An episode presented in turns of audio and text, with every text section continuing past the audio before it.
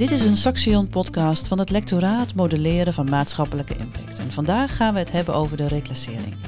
De reclassering heeft als belangrijke taak om herhaling van strafbaar gedrag te voorkomen. En dit doet zij door middel van advisering, toezicht, gedragsinterventies en werkstraffen.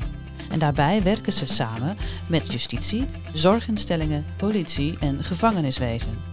Vandaag gaat Michel Linnebank in gesprek met Anouk Visser en Meineke Roeland over bestaanszekerheid van reclasseringscliënten. Welkom Anouk en uh, Meineke. We gaan het vandaag hebben over bestaanszekerheid. Wat is bestaanszekerheid? Bestaanszekerheid is uh, letterlijk uh, zekerheid over je bestaan hebben eigenlijk. En dat gaat erom, kun jij je rekeningen betalen, heb jij woonruimte, heb je werk om in je, in je leven te voorzien, um, dat je daar niet aan hoeft te twijfelen. Dus dat je, dat je weet dat je komende maand ergens kunt wonen, ergens kunt werken, ergens geld vandaan haalt. En waarom is uh, bestaanszeker en waarom is dat een belangrijk onderwerp om met elkaar erover te hebben?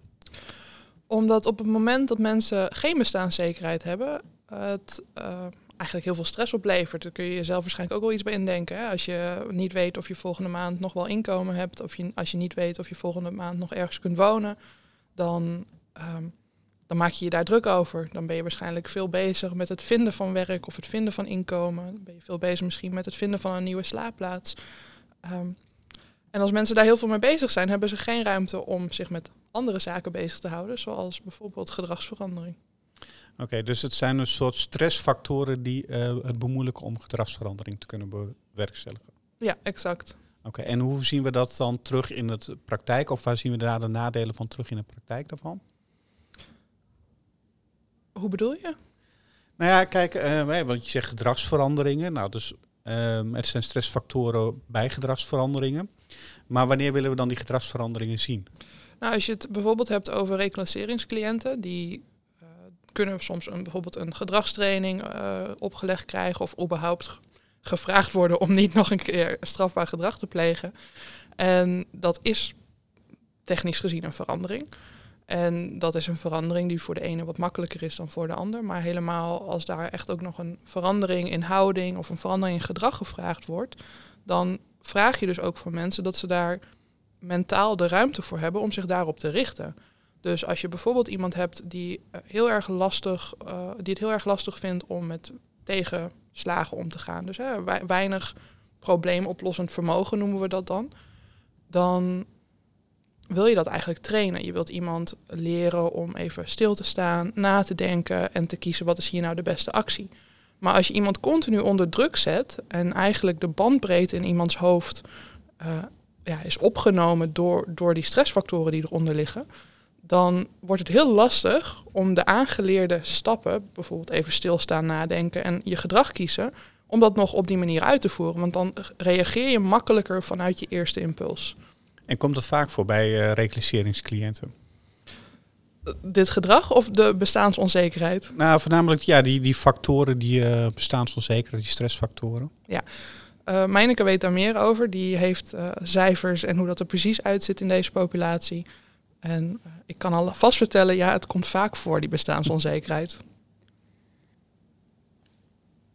We hebben in de afgelopen periode voor ongeveer 9700 onder toezicht gestelde mensen gekeken hoe hun werk- en inkomenssituatie eruit ziet.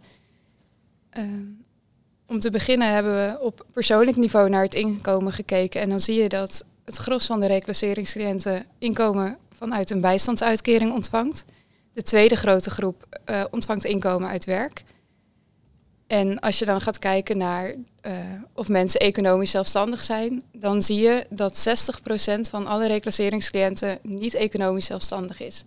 Dat betekent dus dat zij um, minder geld binnenkrijgen dan de bijstandsnorm is. En dat geld kan binnenkomen vanuit werk, vanuit sociale uitkeringen of vanuit een eigen, uh, eigen onderneming.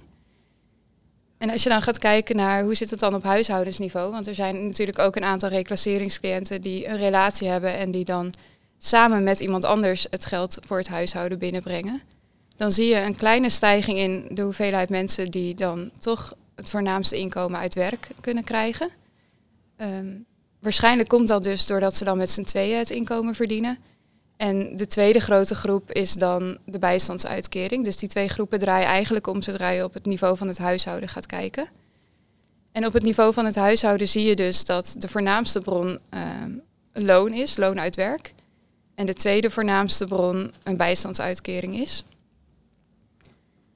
En als je dan gaat kijken naar eh, het aantal bezittingen dat mensen hebben, dus bezitten zij een huis, bezitten zij vermogen, ehm, dan zie je dat het vermogen, uh, het gemiddeld vermogen lager ligt dan het gemiddeld vermogen wat je van alle Nederlanders kent.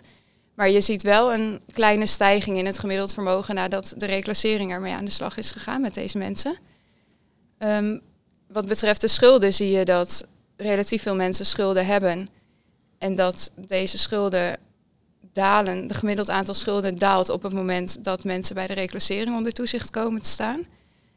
Uh, maar als je gaat kijken naar het aantal reclasseringscliënten met een schuldsaneringstraject, dan zie je dat, dat dat niet heel erg vaak voorkomt. En Anouk kan denk ik meer vertellen over waarom dat al dan niet vaak voorkomt. Um, schuldsaneringstrajecten, ja, die worden eigenlijk zelden nou ja, toegekend, want daar gaat het eigenlijk om. Toegekend aan reclasseringscliënten, want er zijn best wel een aantal eisen waaraan je moet voldoen om in aanmerking te komen voor een schuldsaneringstraject. En um, ik denk dat een van de belangrijkste punten is dat je uh, stabiel bent. Dus dat je een voldoende inkomen hebt om eigenlijk in zo'n uh, in zo'n traject in te kunnen stromen. En ook dat je schulden niet ontstaan zijn door jouw eigen schuld. En door jouw eigen schuld kan eigenlijk heel breed opgepakt uh, worden. En daar wordt die eigenlijk lastig voor veel reclasseringscliënten. Want als jij bijvoorbeeld een aantal maanden uh, je zorgtoeslag of je zorgverzekering niet betaald hebt, of je hebt een boete niet kunnen betalen van het CEIB, dan uh, is dat al jouw eigen schuld. Dus eigenlijk alleen schulden die echt ontstaan zijn door een ander, uh, buiten jouw schuld om, maken jou, ja, geven jou eigenlijk toegang tot een mogelijk schuldsaneringstraject. En dat geldt voor de meeste mensen niet. En daardoor zien we dus eigenlijk in registratie niet helemaal niet zo heel veel mensen die in een schuldsaneringstraject zitten. Maar is de verwachting, en ook als je kijkt naar, naar het gemiddelde inkomen van deze groep, uh, dat er wel heel veel mensen in ieder geval in financiële armoede leveren, uh, leven, leven. Um, en daarmee dus ook gewoon een hele grote stressfactor ervaren ten aanzien van hun dagelijkse, hun wekelijkse, hun maandelijkse bestaan. Waar gaan zij zo meteen hun eten van betalen? Waar gaan ze zo meteen hun elektriciteitsrekening van betalen? Waar gaan ze zo meteen hun huur van betalen? En op het moment dat je daar continu mee bezig bent, dan, ja, dan, dan haal je gewoon energie weg uit gewoon kunnen bestaan en gewoon eigenlijk je normale dingen kunnen doen. Laat staan dat je ruimte en energie voelt om daadwerkelijk een gedragsverandering uh, in gang te zetten. Dus als, als ik jullie goed begrijp, als je wil dat een, nou ja, een reclasseringscliënt eigenlijk niet meer crimineel gedrag uh, vertoont, dan zou je dus wat moeten doen aan die stressfactoren of aan zijn bestaansrecht? Als je de impact op je reclasseringscliënten uh, wilt vergroten, uh, recidive eigenlijk wilt, verder wilt doen afnemen, dan zul je ook oog moeten hebben voor de randvoorwaarden die het mogelijk maken om tot gedragsverandering te kunnen komen. En, en gebeurt dat nu dan ook? Zijn reclasseringswerkers zich daar bewust van of hebben ze daar de mogelijkheid toe? Reclasseringswerkers zijn zich daar uh, deels bewust van, de, de, een meer dan de ander. Uh, je moet het ook zo zien, je hebt maar een beperkt aantal uren die je kunt steken in een reclasseringscliënt. En die wil je ook op de criminogene factoren in kunnen zetten. Dus je ziet dat dit soort factoren heus wel, uh, heus wel iets van aandacht hebben, maar misschien niet zoveel als je eigenlijk zou willen voor deze groep. En vaak wordt er ook gekozen voor bijvoorbeeld een doorverwijzing, hè, want reclassering is geen UWV, zij zijn niet degene die in eerste instantie werk verschaffen. Um, dus daar, vindt dan een simpel, simpele verwijzing plaats. Maar dat kan dan vervolgens mislopen op het feit dat mensen, uh, ja, mensen zijn hebben soms wat extra ondersteuning, wat extra begeleiding, extra kansen nodig. Dus die worden doorgestuurd naar het UWV. Die komen een keer niet opdraven of uh, die zijn een keer te laat of die stellen zich niet helemaal op zoals het UWV dat graag ziet. En daar wordt sneller dan je eigenlijk voor deze groep zou willen gezegd, deze persoon werkt niet mee, heeft daarom geen recht meer op een uitkering. Terwijl je juist voor deze groep um, een lange adem nodig hebt. Uh, mensen eigenlijk nog een keer een extra kans moet geven. Soms moet een reclasseringswerker ook echt letterlijk een keer mee om te zorgen dat al het, alles in goede banen geleid wordt. En daar zit absoluut nog wel, ehm, daar, zit, daar liggen nog kansen om dat op een andere manier aan te pakken.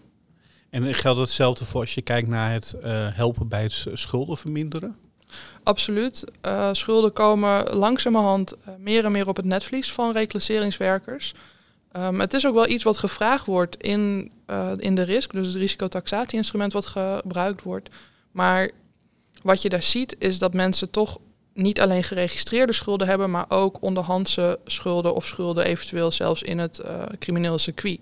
En dat gaat er natuurlijk anders aan toe dan wanneer je een schuld hebt bij je zorgverzekering of een schuld bij de Belastingdienst. Um, daar zitten andere regels, andere eisen, andere omgangsvormen onder. En die kunnen belemmerend werken, maar niet altijd op tafel gegooid worden, ook niet door de cliënt zelf. Want hè, schuldenroepers kunnen veel schaamte oproepen.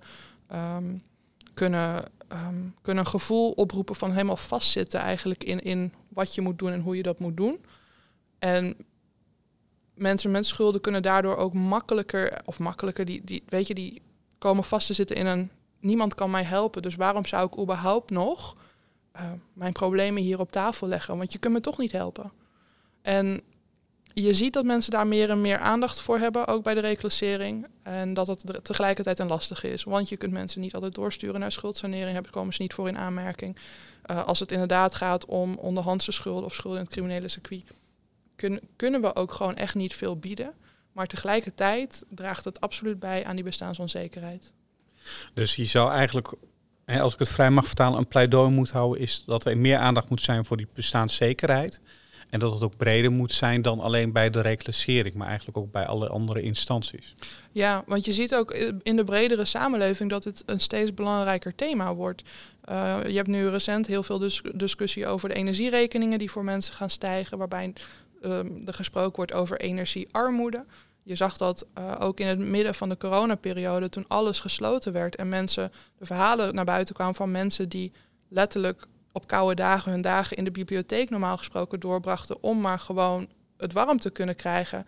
En die bibliotheken werden gesloten en je haalde ineens een, groep mensen, zette je letterlijk in de kou.